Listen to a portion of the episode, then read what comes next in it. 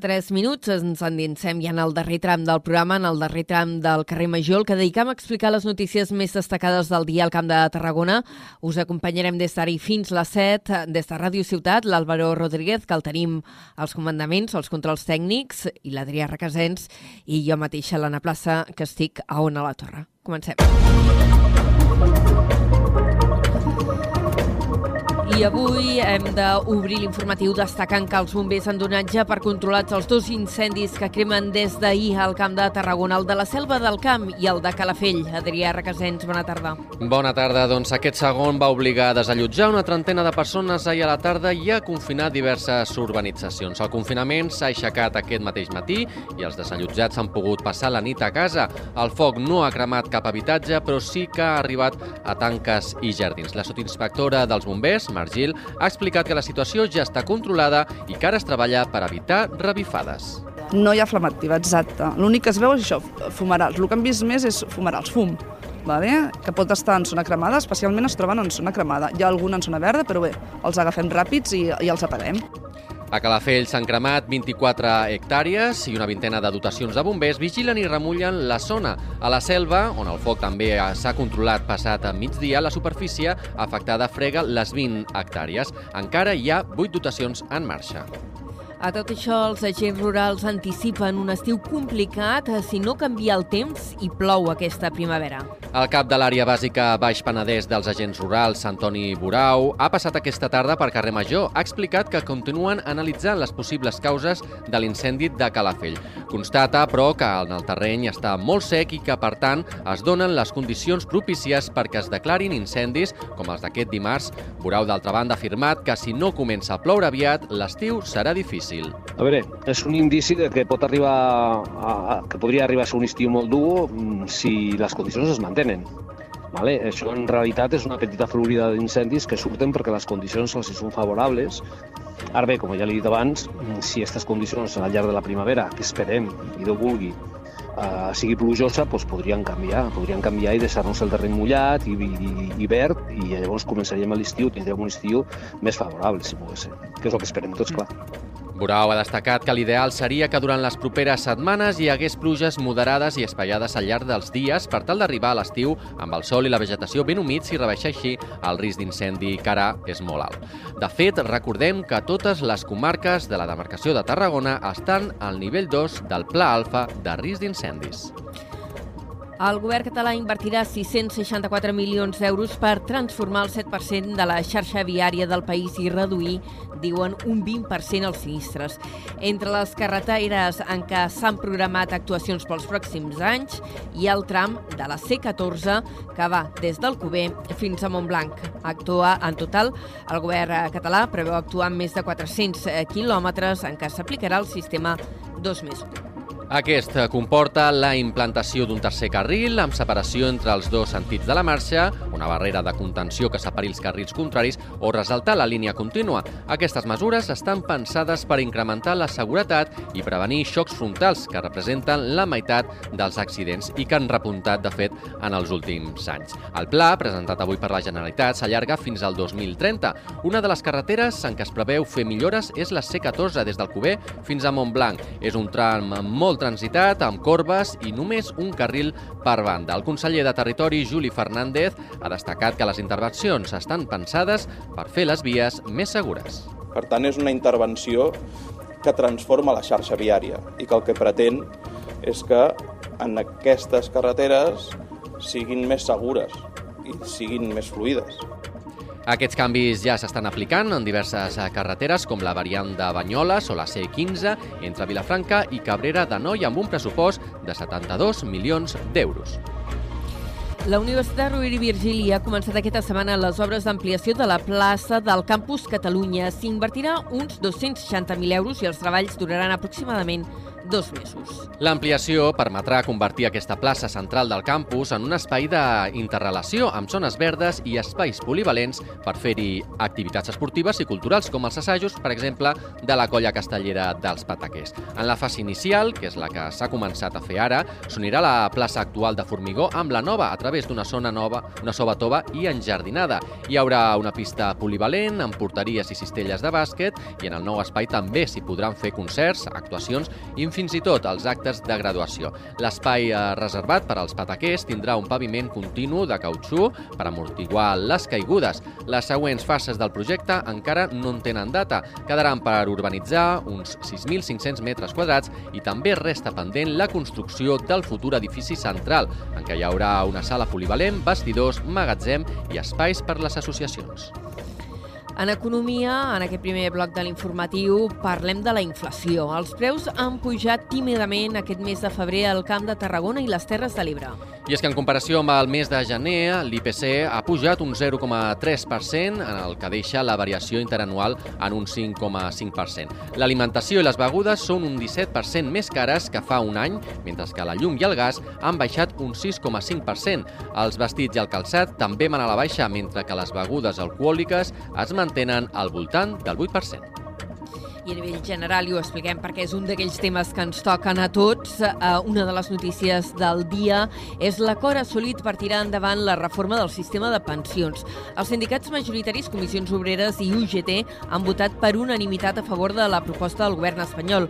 En canvi, la patronal s'ha despenjat de l'acord. El ministre de Seguretat Social, José Luis Escrivà, ha sanificat l'acord en un acte amb els secretaris generals de Comissions Obreres i UGT, Unai Sordo i Pepe Álvarez. La proposta implica que en els pròxims 20 anys es podrà triar entre dues opcions per al període de còmput, els últims 29 anys de carrera descartant els dos pitjors o els últims 25, que és l'esquema actual. A més, s'estableixen mesures per garantir que la pensió mínima se situï al 60% de la renda mitjana i per reduir la bretxa de gènere. El secretari general de Comissions Obreres, Unai Sordo, ha parlat d'un acord eh, històric i necessari per fer front a la jubilació de la gent del baby boom.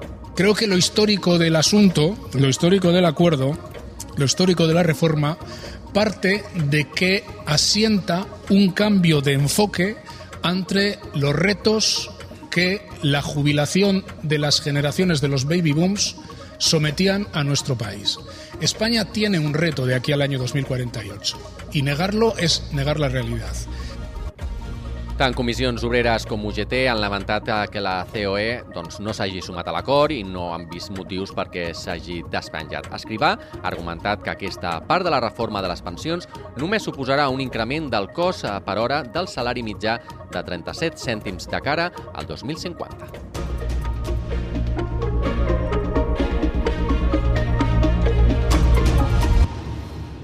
4 minuts i seran tres quarts de set de la tarda. Ens endinsem en crònica local. Ho fem primer de tot situats a Tarragona, una ciutat que viu entre un i tres desnonaments al dia. Ara bé, la majoria, un 80%, es poden acabar aturant, almenys de moment.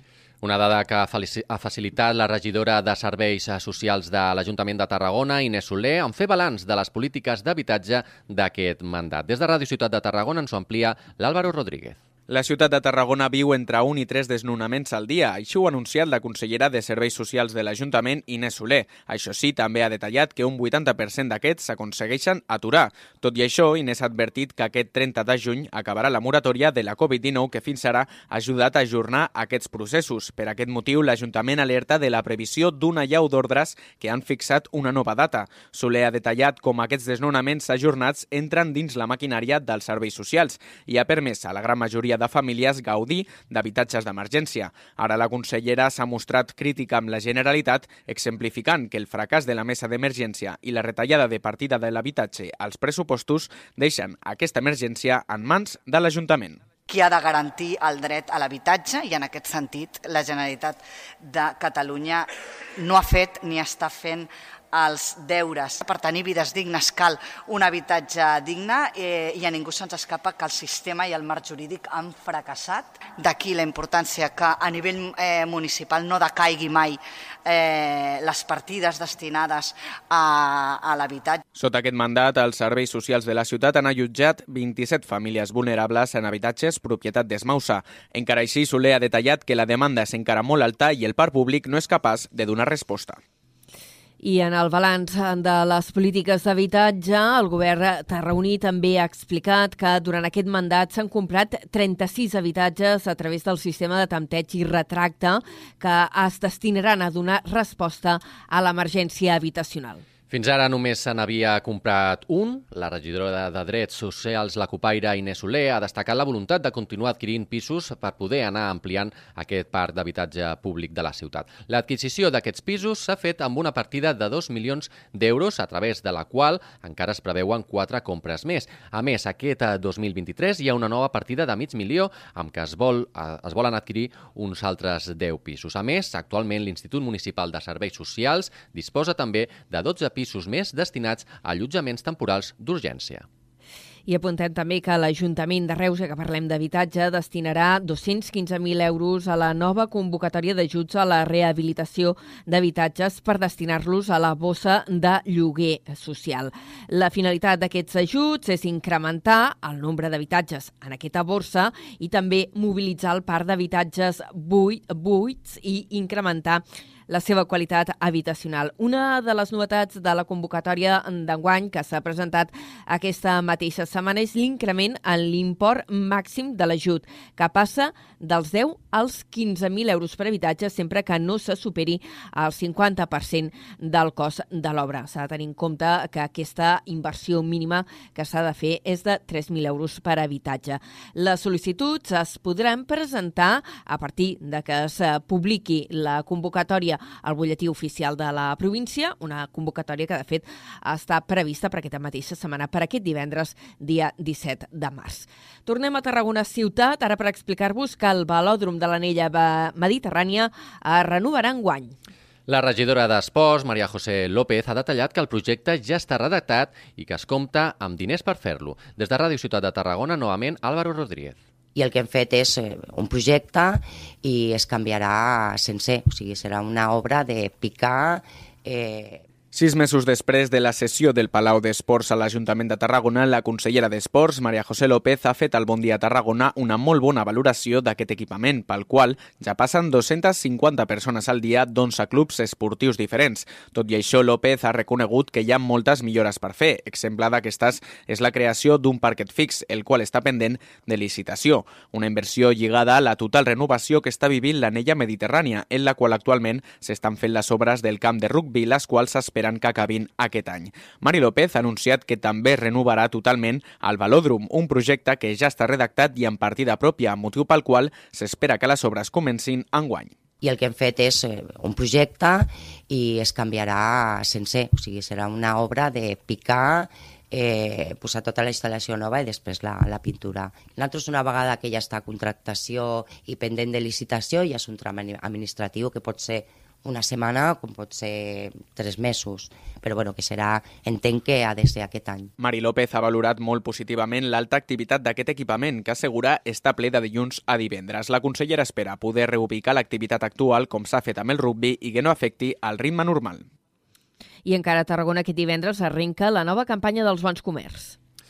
L'Ajuntament de Tarragona destina 15.000 euros a activitats que dinamitzin els carrers de la ciutat durant aquesta campanya. Des de Ràdio Ciutat de Tarragona ens ho explica la Judit Fernández.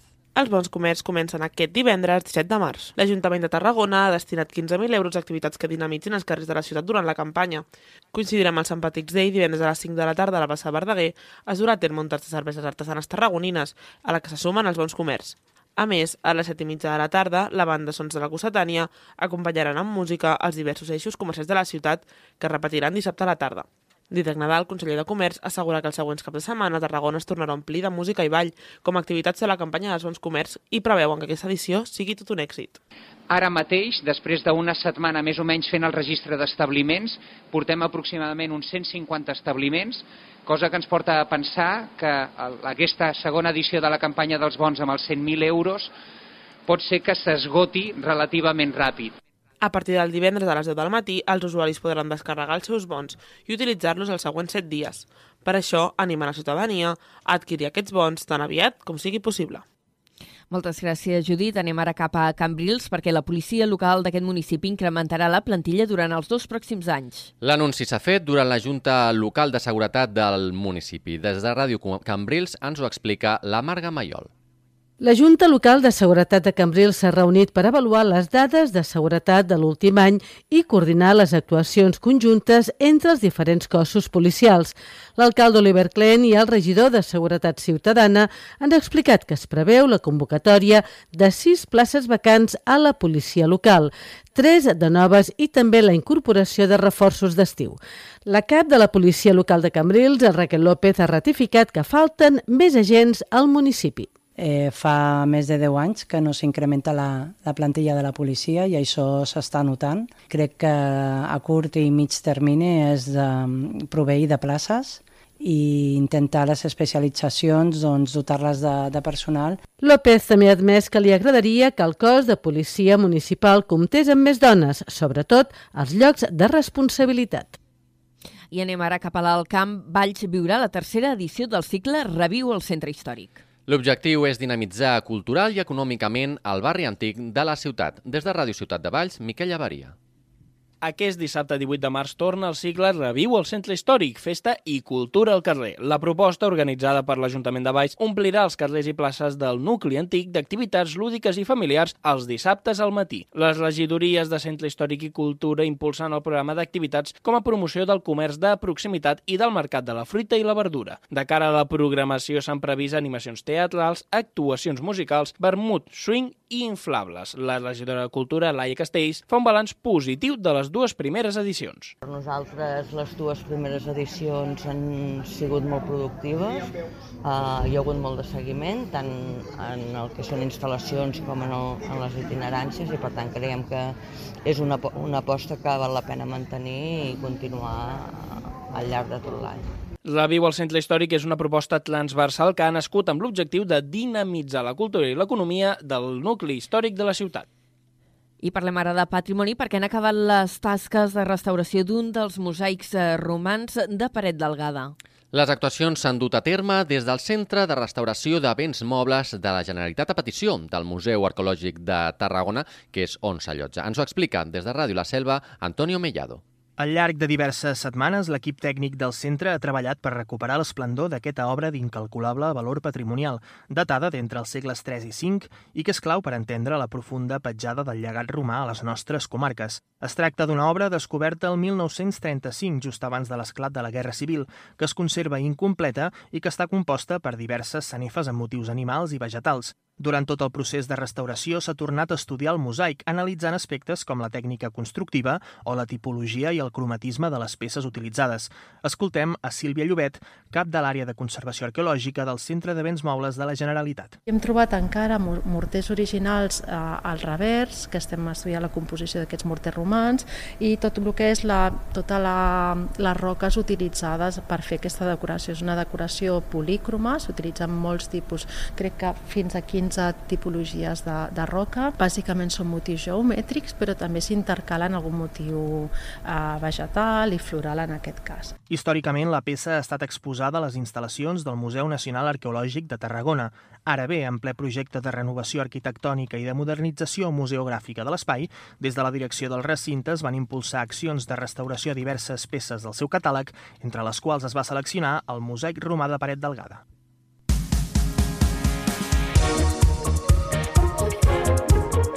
6 i 52 minuts, gairebé en esports ens situem a Altafulla, que tornarà a ser la seu de diversos equips participants en la Volta Ciclista a Catalunya. La policia local ha dissenyat un dispositiu especial per acollir els vehicles de les més de 200 persones que s'hi allotjaran i per facilitar la mobilitat dels veïns. Des d'Altafulla Ràdio ens en dona més detalls la Carol Cubota. La Volta Ciclista a Catalunya aterra el cap de setmana del 24 de març a Tarragona i Altafulla tornarà a ser el centre d'operacions de gairebé una desena d'equips que hi prenen part. Tot i que el recorregut no trepitjarà els carrers de la vila, en finalitzar les etapes que hi ha pel territori, més de 200 integrants d'equips de competició tornaran a convertir Altafulla en la seva seu. L'estada dels esportistes suposa un al·licient econòmic per la vila, mentre que aquests hi troben facilitat d'aparcament, accés a serveis i una bona logística, com explica el sergent de la policia local d'Altafulla, Jordi Gil perquè el servei i l'atenció, segons ens han dit des de l'organització, i tota la logística que els hi proporcionem, eh, doncs els hi fa que puguin venir aquí una vegada ja hagin acabat cada etapa i tinguin doncs, els serveis de llum, d'aigua, eh, al costat de l'hotel i que puguin estar treballant a, a gust. Des del cos policial s'ha previst un dispositiu especial per poder encabir els camions de l'organització i els diferents cotxes dels equips ciclistes. I és per això que hi haurà diverses mesures que afectaran l'estacionament al voltant dels hotels on s'allotjaran.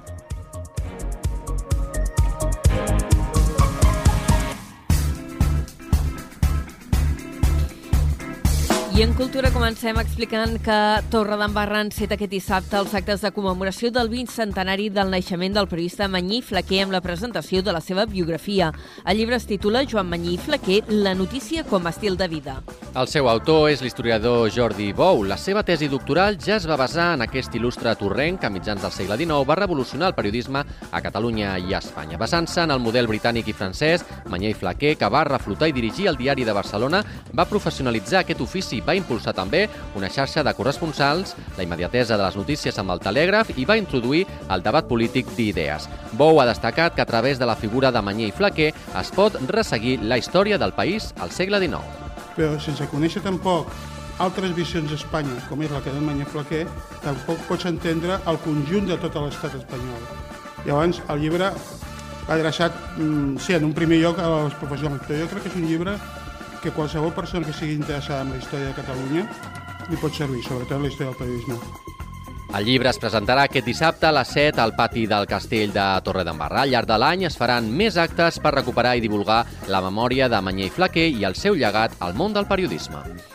Avui es, enguany es commemora el bicentenari de Manyer i Flaquer i també el centenari de Domènec i Montaner. La ciutat de Reus commemorarà aquesta efemèride eh, l'any Domènec i Montaner amb una programació que inclou exposicions, conferències, congressos i actes eh, culturals. Tot pensat per divulgar l'obra d'aquest arquitecte, un dels noms claus del modernisme. L'activitat més destacada serà la creació històrica Reus 1900, festa modernista, que se celebrarà el cap de setmana dels dies 15 i 16 d'abril. Està impulsada per Casa Navàs i l'agència Reus Promoció i es vol aconseguir una gran implicació ciutadana. Està previst que hi hagi més d'un centenar de figurants vestits d'època que interpretaran les diferents classes socials del moment.